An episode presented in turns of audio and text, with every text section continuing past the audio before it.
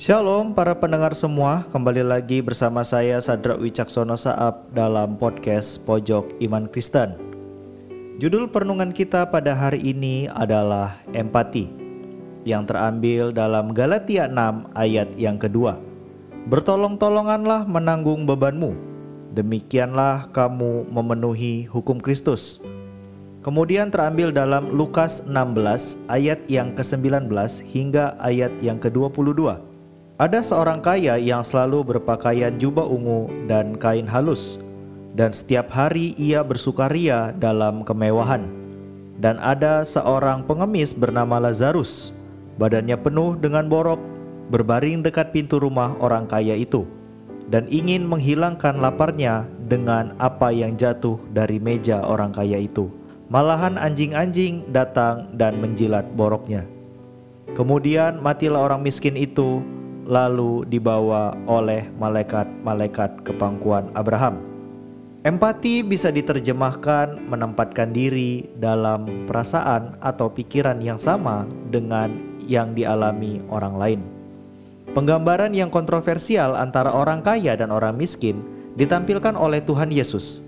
Betapa tidak, orang kaya serba mewah, penuh dengan kesenangan tanpa penderitaan sedikit pun sedangkan Lazarus yang miskin hidup dalam kelaparan, penderitaan, hina, dan tubuhnya penuh dengan borok. Ia terbaring di depan pintu rumah si kaya menanti belas kasihan. Sungguh miris bukan? Di satu pihak, seorang manusia hidup dalam kemewahan dan serba glamor. Sedangkan pada pihak lain, ada yang sangat menderita, memprihatinkan, bahkan hidup dalam kehinaan dan banyak orang yang selalu menghindarinya. Keduanya seharusnya ada titik temu. Ternyata yang terjadi adalah garis pemisah. Siapa yang harus memulai? Kapan dan di mana titik temunya?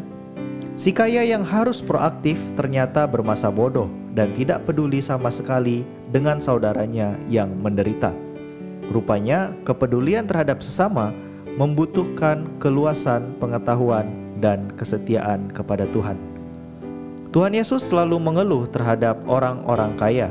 Sesungguhnya sukar sekali bagi seorang yang kaya untuk masuk ke dalam sorga. Tertulis dalam Matius 19 ayat 23. Ketidakpedulian muncul karena lebih mementingkan kebutuhan dan kenikmatan sesaat. Si kaya yang tidak berbuat apa-apa terhadap si miskin karena telinganya tertutup terhadap kebenaran firman Tuhan dan hati nuraninya telah padam. Bisa kita lihat dalam ayat 29 hingga ayat 31.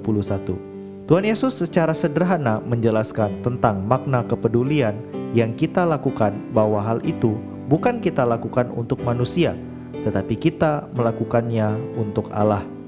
Siapa pun kita, sesungguhnya kita telah ditetapkan oleh Allah untuk menerima berkatnya dan sekaligus kita diutus Allah untuk menjadi berkat.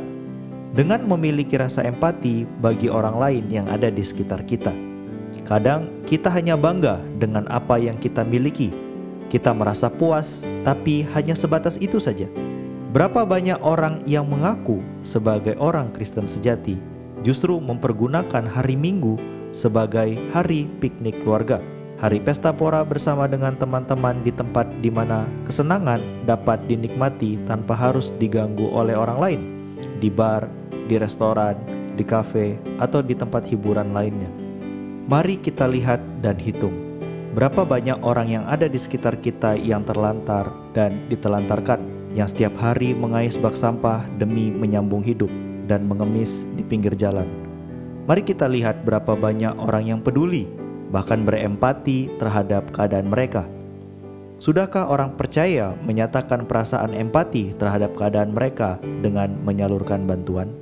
Dengan itu, keadaan mereka yang penuh dengan derita dapat berubah jadi sukacita. Tuhan Yesus mengingatkan kita bahwa selagi masih ada kesempatan yang diberikan Tuhan kepada kita untuk hidup, maka pakailah itu untuk membagi melihat dan memiliki kepedulian sesama yang menderita.